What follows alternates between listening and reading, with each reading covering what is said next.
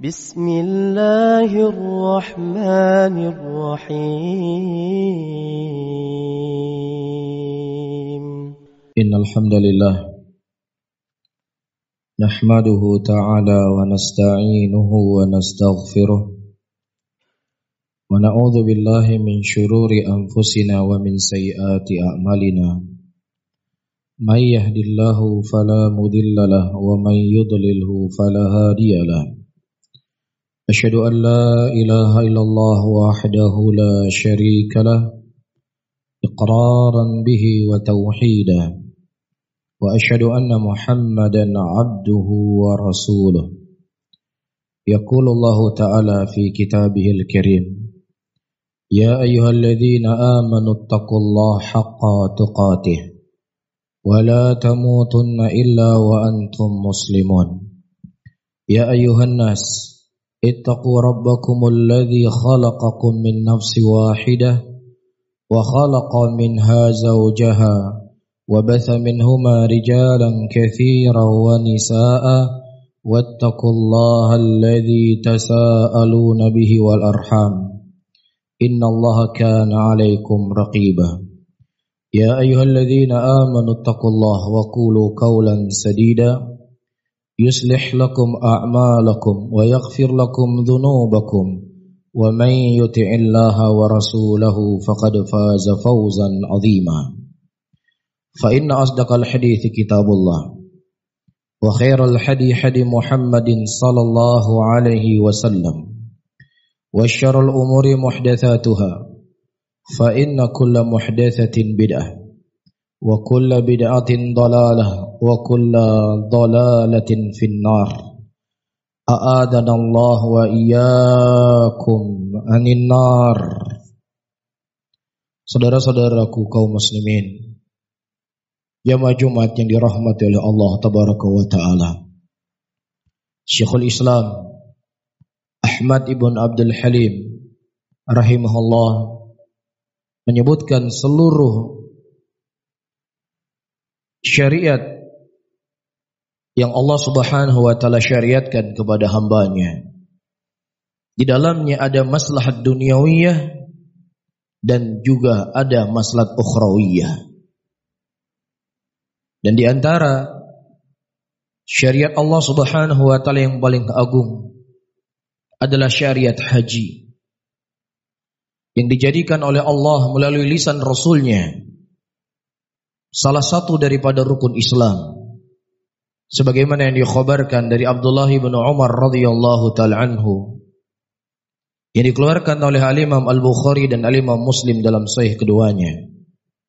Rasulullah sallallahu alaihi wasallam menyebutkan bunyal Islamu ala khams. Islam itu dibangun di atas lima perkara.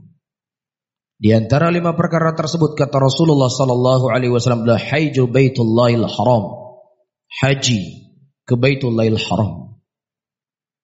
Dan dari semua ibadah yang Allah Subhanahu wa taala syariatkan. Apakah itu ibadah salat? Ataukah ibadah puasa? Ataukah ibadah zakat? Tidak ada di antara ibadah tersebut yang Allah Subhanahu wa taala menjadikan nama surat di dalam Al-Qur'an. Memang benar di dalam Al-Quran ada ayat-ayat salat. Tapi tidak ada penyebutan suratus salat. Dalam Al-Quran ada penyebutan tentang ayat zakat. Tapi tidak disebutkan suratus zakat. Di dalam Al-Quran ada salat untuk perintah. Ada ayat merintah untuk, untuk puasa. Tapi tidak ada surat yang namanya puasa. Namun subhanallah. Dari keagungan ibadah haji. Allah subhanahu wa ta'ala menjadikan satu surah di dalam Al-Quran dengan nama suratul Hajj. Suratul Hajj. Dan tentunya banyak sekali maslahat-maslahat. Banyak sekali pelajaran-pelajaran yang bisa kita petik dari ibadah haji. Di antara faidah yang paling terpenting yang kita petik dari ibadah haji adalah tauhidullah tabaraka wa taala. Mengesahkan Allah Subhanahu wa taala dalam segala bentuk peribadatan kita. Datang sebuah hadis dari Jabir bin Abdullah radhiyallahu taala anhu yang dikeluarkan oleh Alimah Muslim rahimahullah dalam sahihnya. Kata Jabir bin Abdullah, ahallallah Rasulullah sallallahu alaihi wasallam al-hajj bil labbaik Allahumma labbaik labbaik la syarika laka labbaik innal hamda wan ni'mata laka wal mulk la syarika kata Jabir bin Abdullah Rasulullah sallallahu alaihi wasallam memulai haji beliau dengan tauhid bertalbiyah kepada Allah Rabbul Alamin. Labbaik Allahumma labbaik. Lab itu artinya adalah seseorang menyerahkan seluruh apa yang ada pada dirinya untuk Allah Rabbul Alamin ya Allah aku serahkan seluruh jiwa dan ragaku untukmu wahai Allah yang tidak ada sekutu bagimu ya Allah. Itu di antara makna dari kalimat labbaik Allahumma labbaik. Labbaik la syarika laka labbaik. Tidak ada sekutu bagimu wahai Allah. Ini yang harus kita tanamkan saudara-saudaraku muslimin. Ibadah kita hanya untuk Allah Subhanahu wa taala. Doa kita hanya untuk Allah Rabbul Alamin. Tawakal kita hanya kepada Allah. Takut kita hanya kepada Allah Rabbul Alamin. Itu yang Allah Subhanahu wa taala ajarkan kepada kita. Karena tidaklah Allah Subhanahu wa taala menciptakan seluruh apa yang ada di langit dan ada di bumi. Dan juga Allah Subhanahu wa taala menciptakan kita semuanya dengan satu tujuan, yaitu kita beribadah hanya untuknya. Wa ma khalaqtul jinna wal insa illa liya'budun. Ma uridu minhum ayyut'imun. Dan tidaklah aku menciptakan jin dan manusia kecuali untuk mereka semua beribadah kepadaku. Ma uridu minhum min rizkin. Wa ma uridu ayyut'imun. Innallaha warrazzaqu quwwatil matin. Tidaklah aku menginginkan dari mereka untuk memberikan makanan kepadaku. Dan juga tidaklah aku menginginkan dari mereka untuk memberikan rezeki kepadaku. Innallaha warrazzaqu quwwatil matin. Sesungguhnya Allah itu maha memberikan rezeki. Allah nggak butuh dengan ibadah kita. Allah tidak butuh dengan haji kita. Allah tidak butuh dengan puasa kita. Allah tidak butuh dengan zakat kita. Tetapi kitalah yang butuh kepada Allah subhanahu wa ta'ala. Ini tujuan kita diciptakan oleh Allah. Bukan kita diciptakan di dunia hanya sekedar untuk menikmati makanan. Hanya sekedar untuk mencari rezeki. Hanya saja sekedar untuk berfoya-foya. Tetapi semua itu Allah subhanahu wa ta'ala berikan kepada kita rezeki. Allah memberikan kepada kita air. Allah memberikan kepada kita segala bentuk kenikmatan. Memudahkan kita sebenarnya untuk menjadikan Allah satu-satunya zat yang kita ibadahi. Yang kedua, di antara fungsi tauhid saudara-saudaraku muslimin yang dimuliakan oleh Allah. Kalau kita membaca sejarah, dari kehidupan para nabi dan kehidupan para rasul seluruhnya mereka diperintahkan oleh Allah Subhanahu wa taala untuk mentauhidkan Allah Rabbul Alamin.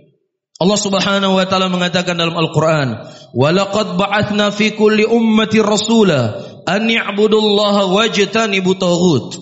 Dan sungguh kami telah mengutus setiap umat seorang rasul yang Rasul tersebut diperintahkan oleh Allah untuk mengajak umatnya beribadah hanya kepada Allah Subhanahu wa taala dan mengkufuri segala bentuk peribadatan kepada selain Allah.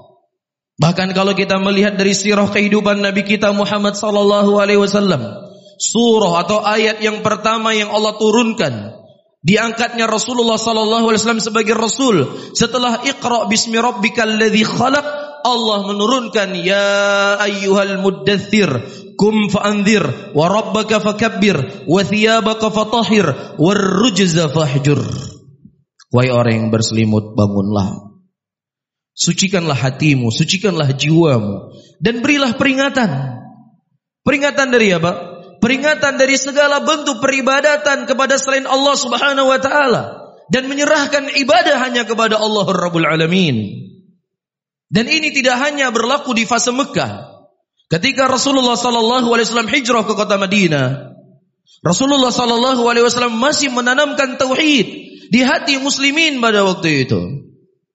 Bahkan ayat atau hadis-hadis yang paling akhir diucapkan oleh Nabi sallallahu alaihi wasallam, la'anallahu al-yahuda wan nasara ittakhadhu qubur anbiya'ihim masajid wa inni anhaakum an dzalik. Allah melaknat orang-orang Yahudi dan juga Allah melaknat orang-orang Nasara ketika mereka menjadikan kuburan nabi-nabi mereka menjadikan kuburan kaum mereka sebagai masjid. Ini ditanam oleh Rasul. Dan Nabi Shallallahu Alaihi Wasallam juga berkata kepada Abu Bakar, berkata kepada Umar, berkata kepada Uthman, berkata kepada Ali, Akhwafu ma akhafu alaikum asyirkul asghar. Sesuatu yang paling aku khawatirkan menimpa kalian semuanya adalah syirik kecil. Kalau seandainya Rasulullah Sallallahu Alaihi Wasallam tidak merasa aman, syirik kecil terjatuh kepada sahabatnya, tentunya kita tidak merasa aman, saudara-saudaraku muslimin. Kesyirikan itu bisa menimpa kita. Bahkan sebagian sahabat Rasulullah, iya, terluput dari mereka. Makna daripada apa itu syirik? Disebutkan dalam sebuah riwayat hadis. Datang orang-orang kepada Rasulullah sallallahu alaihi wasallam dari kalangan Yahud. Dan mereka berkata, "Innakum tusyrikuna billah wa taquluna ma Allah wa syi'ta." Wahai Muhammad, sesungguhnya ada di antara umat engkau yang mereka telah berucap dengan ucapan kesyirikan. Mereka berkata, Masya Allah wa syi'ta. Ini merupakan kehendaknya Allah dan kehendaknya engkau Muhammad. Disamakan. Antara kehendaknya Allah dengan kehendaknya Rasul Sallallahu Alaihi Wasallam. Dan Nabi Sallallahu Alaihi Wasallam mengingkari apa yang diucapkan oleh mereka. Kata Rasulullah Sallallahu Alaihi Wasallam, kalau seandainya engkau ingin mengucapkan Masya Allah, maka katakanlah Masya Allah wahdah. Dan riwayat yang lain, Masya Allah thumma syita. Ini merupakan kehendaknya Allah dan kemudian tidak memakai huruf waw, tetapi memakai huruf thumma. Dan kemudian ini juga kehendaknya Wahai Muhammad. Perhatikan saudara-saudaraku muslimin. Mereka orang Arab berbicara dengan bahasa Arab. Di tengah-tengah mereka ada Nabi Muhammad sallallahu alaihi wasallam yang mendidik mereka, yang membimbing mereka, tetapi terluput dari sebagian mereka antara huruf waw dengan huruf thumma. Yang satu merupakan ucapan kesyirikan, yang satunya adalah ucapan yang tidak mengandung unsur kesyirikan. Nah kita satu hari satu malam, para hadirin, berapa jam kita berbicara? Satu hari satu malam mungkin kita berbicara tujuh jam. Iya, dan sisanya mungkin kita chatting. Berapa jam kita chatting satu hari? Nah dari setiap ucapan yang keluar dari mulut kita, dari setiap tulisan yang kita tulis di WhatsApp kita, apakah kita bisa menjamin para hadirin tidak ada ucapan-ucapan yang mengandung kesyirikan kepada Allah Subhanahu wa taala? Apakah kita bisa menjamin? Sementara sahabat Rasulullah sallallahu alaihi wasallam tersembunyi dari mereka. Kalimat-kalimat yang itu adalah hakikatnya mengandung kesyirikan kepada Allah. Dan kecil-kecilnya syirik kecil itu lebih besar daripada zina. Syirik-syirik kecil-kecilnya syirik kecil lebih besar daripada riba. Berapa banyak orang-orang hari ini keluar dari bank takut dikarenakan makan riba dan seterusnya. Berapa banyak orang-orang hari ini menjaga dirinya tidak terjatuh kepada perzinahan. Tetapi terkadang kita tidak sadar ada kalimat-kalimat yang kita ucapkan yang itu mengandung kesyirikan kepada Allah Subhanahu wa taala. Abdullah bin Mas'ud radhiyallahu taala anhu berkata, "Lian ahlif billah kadziban ahabbu ilayya lian ahlif li ghairi lasadiqan."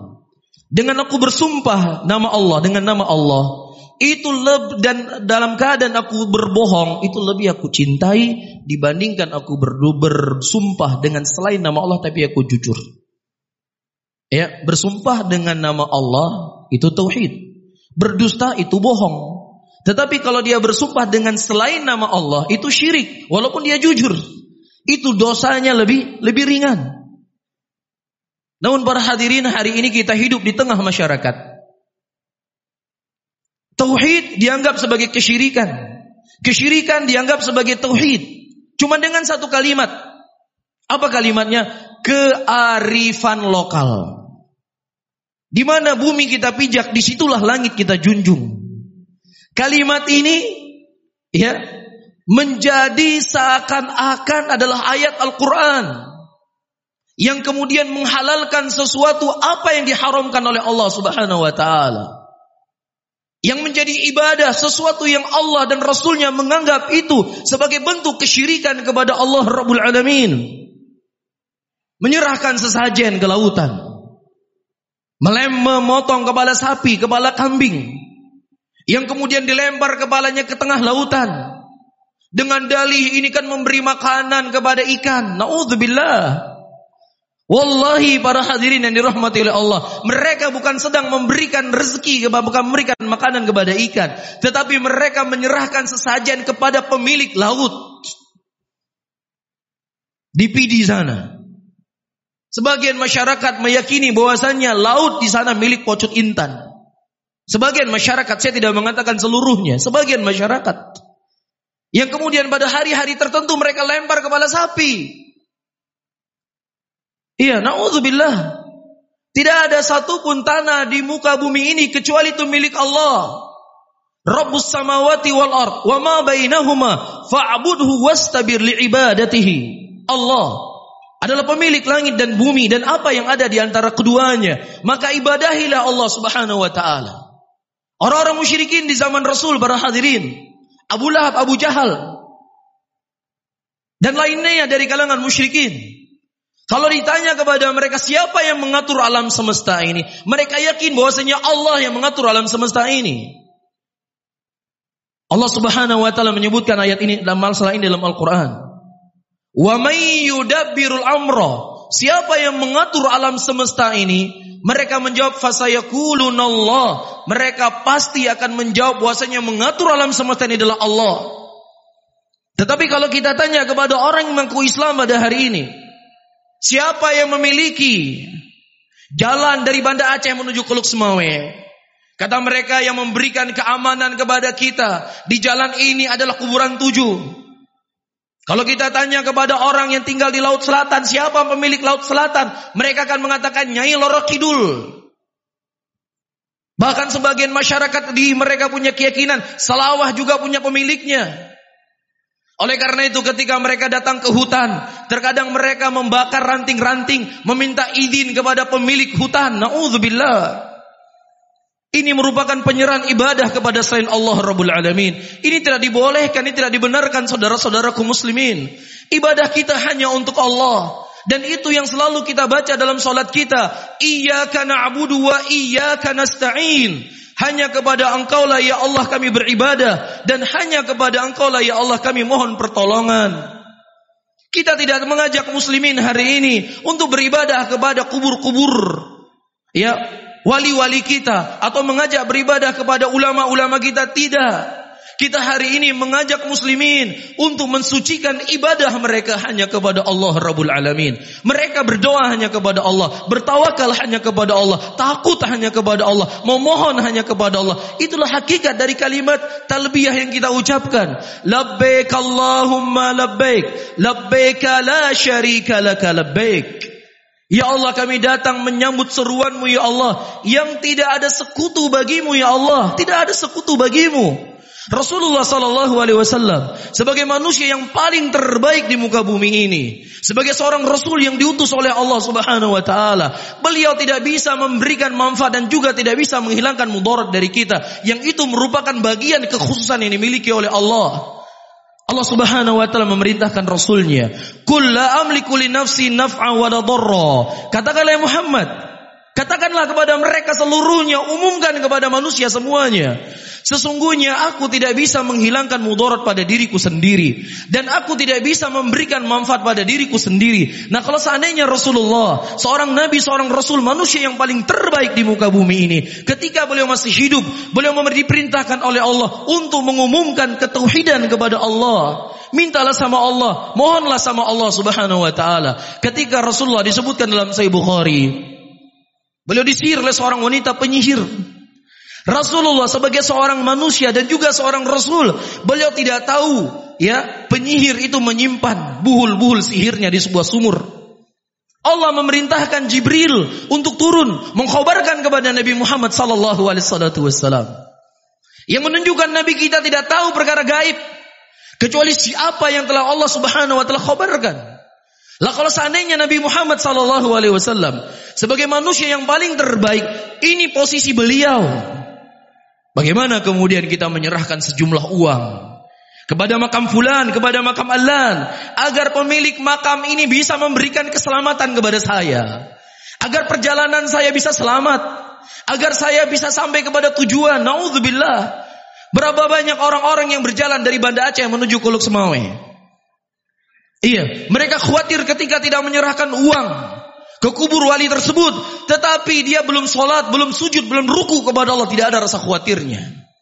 Belum sholat duhur, belum sholat subuh, belum sholat asar, gak takut sama Allah.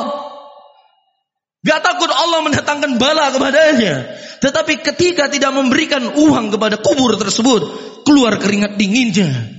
Pemilik kubur akan memberikan kecelakaan untuk saya. Ini PR buat kita semuanya berhadirin yang dirahmati oleh Allah. Bagaimana pentingnya tauhid. Dan ini terus ditanamkan oleh Nabi sallallahu alaihi wasallam. Yang ketiga, tauhid merupakan sumber daripada kebahagiaan. Tauhid merupakan sumber dari keamanan dan ketentraman. Allah Subhanahu wa taala menyebutkan prinsip ini dalam Al-Qur'anul Karim. Wa'adallahu alladhina amanu minkum wa amilus salihat la yastakhlifannahum fil ardi kama stakhlafal ladzina min qablihim dan Allah telah berjanji kepada orang-orang beriman dan beramal saleh akan diberikan kepada mereka kepemimpinan seperti apa yang telah Allah berikan kepemimpinan kepada orang-orang sebelum mereka dan Allah akan menguatkan agama yang mereka ridhoi dan Allah akan memberikan kepada mereka keamanan yang tadinya mereka merasakan ketakutan. Kapan itu semuanya? Ya budunani la yusyriku bi syai'a. Ketika mereka beribadah hanya kepadaku dan tidak menyekutukan aku dengan sesuatu apa pun. Yang kedua dan yang terakhir. Di antara faidah perjalanan haji saudara-saudaraku muslimin yang dirahmati oleh Allah mengingatkan kita semuanya akan hari kebangkitan. Seluruh manusia semenjak Allah, seluruh manusia yang diciptakan oleh Allah dari Nabi Adam.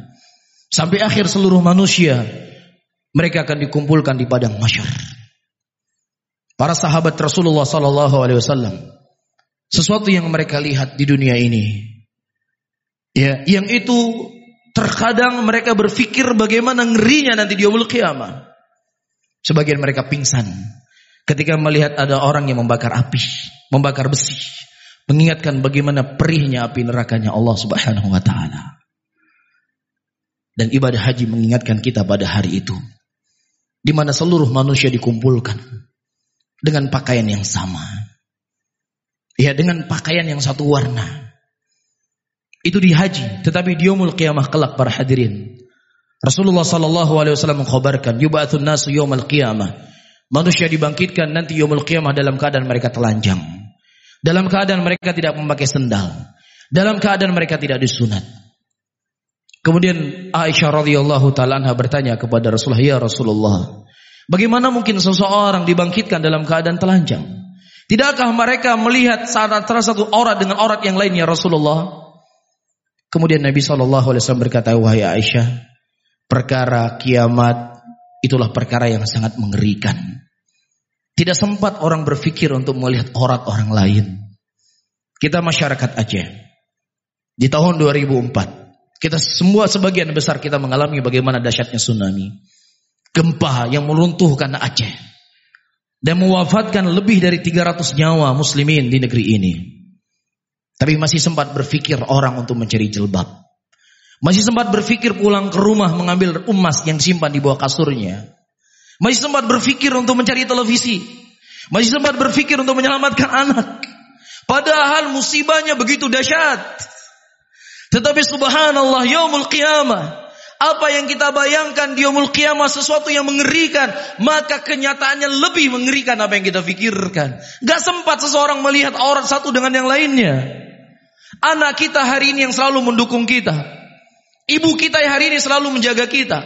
Bapak kita hari ini yang selalu melindungi kita. Itu semuanya berlaku di dunia, tidak berlaku di akhirat saudara-saudaraku muslimin. Tidak berlaku di akhirat. Allah Subhanahu wa taala mengatakan dalam Al-Qur'an, "Yauma yafirru mar'u min akhi wa ummihi wa abi wa sahibatihi wa bani likulli imri'in minhum yawma idzin sya'nu yughni hari di mana seseorang akan lari dari temannya, lari dari ibunya, lari dari bapaknya, lari dari saudara-saudaranya. Setiap orang pada waktu itu mereka sibuk untuk mengurusi diri-diri mereka sendiri. Jangankan kita manusia yang banyak dosa, jangan kita manusia yang banyak berbuat kezaliman, para nabi dan para rasul, Nabi Adam, Nabi Nuh, Nabi Musa, Nabi Isa. Datang orang-orang kepada Nabi Isa, datang orang-orang kepada Nabi Nuh, kepada Nabi Adam. Mereka meminta wahai para nabi, wahai para rasul, mohonlah kepada Allah Subhanahu wa taala agar Allah Subhanahu wa taala segera melakukan persidangan. Kegalauan yang begitu luar biasa melanda manusia pada waktu itu. Apakah dia akan selamat masuk dalam surga ataukah dia akan celaka masuk dalam nerakanya Allah? Fariqun fil jannah wa fariqun fis sa'ir. Hanya dua kelompok. Satu kelompok masuk ke dalam surga, satu kelompok masuk dalam neraka. Dalam kehidupan kita sehari-hari, dua hari lagi akan ada pengumuman penerimaan pekerjaan yang kita daftar. Dua hari sebelum pengumuman kita sudah galau. Dua hari pengumuman kita sudah tidak enak makan, tidak enak tidur, lulus atau enggak saya. Itu cuma pekerjaan. Kalau seandainya kita tidak mendapatkan pekerjaan di situ, mungkin kita akan dapat pekerjaan lebih baik. Tetapi ini para hadirin, kita menanti menunggu apakah masuk ke dalam neraka ataukah masuk ke dalam surganya Allah Subhanahu wa taala. Sehingga di tengah kegalauan ini mereka mendatangi para nabi tersebut dan nabi tersebut menjawab Nabi Adam berkata, "Aku bukan orang yang pantas untuk kalian minta." Aku pernah makan sebuah buah yang ada dalam surga yang dilarang oleh Allah Subhanahu wa taala untuk makan. Aku makan. Beliau lupa bukan sengaja membuat perbuatan ini dan ini juga tidak dianggap sebagai dosa dan beliau juga sudah bertobat kepada Allah karena satu kesalahan yang dilakukan oleh Nabi Adam yang beliau sudah bertobat kepada Allah beliau tidak berani mengangkat wajahnya meminta kepada Allah Subhanahu wa taala di mana posisi kita pada hari itu saudara-saudaraku muslimin? Di mana posisi kita yang begitu banyak dosa yang kita lakukan hari ini? Banyak kezoliman yang kita lakukan hari ini. Di mana kita pada waktu itu? Siapa yang bisa menolong kita? Siapa yang bisa menolong kita? Tidak ada satupun yang bisa menolong kita. Bahkan Nabi Muhammad sallallahu alaihi wasallam berkata kepada anaknya, "Ya Fatimah, sallini ma min mali, la anki min Allah syai'a." Wahai Fatimah, mintalah harta yang kau inginkan dariku. Aku akan berikan apa yang ku mampu. Tetapi adapun di hari kiamat kelak, aku tidak akan mampu bisa menolongmu wahai Fatimah. Kecuali amalan soleh yang kau lakukan. Keimanan yang kau lakukan. Harta yang kita miliki hari ini bisa membela kita. Jabatan hari ini yang kita miliki mungkin bisa menolong kita. Kedudukan yang kita miliki hari ini bisa memudahkan urusan kita. Tetapi di pengadilan Allah subhanahu wa ta'ala berhadirin. Itu semuanya tidak akan bermanfaat sama sekali. Tetapi yang bermanfaat adalah iman dan amalan soleh yang kita lakukan di dunia ini. Yawma la yanfa'u malun wala banun illa man atallah biqalbin salim. Suatu hari yang tidak akan bermanfaat dari harta dan anak-anak yang dimiliki oleh seseorang kecuali siapa yang datang kepada Allah dengan hati yang selamat dan besok Para hadirin adalah hari atau tanggal 9 Dzulhijjah di mana Rasulullah sallallahu alaihi wasallam menyebutkan siapa yang berpuasa pada tanggal hari pada 9 Dzulhijjah di hari Arafah maka Allah akan mengampuni dosanya satu tahun sebelumnya dan satu tahun setelahnya. Ini kesempatan besar bagi kita. Mudah-mudahan dengan puasa yang kita lakukan ini menjadi sebab Allah mengampuni dosa kita dan memaafkan kesalahan-kesalahan kita dan sebabnya mudah-mudahan Allah memasukkan kita ke dalam surganya. Barakallahu lakum fil Qur'anil azim wa nafa'ani wa iyyakum bima fihi minal ayati wa dzikril hakim. Fataqabbalallahu minni wa minkum innahu samiun alim.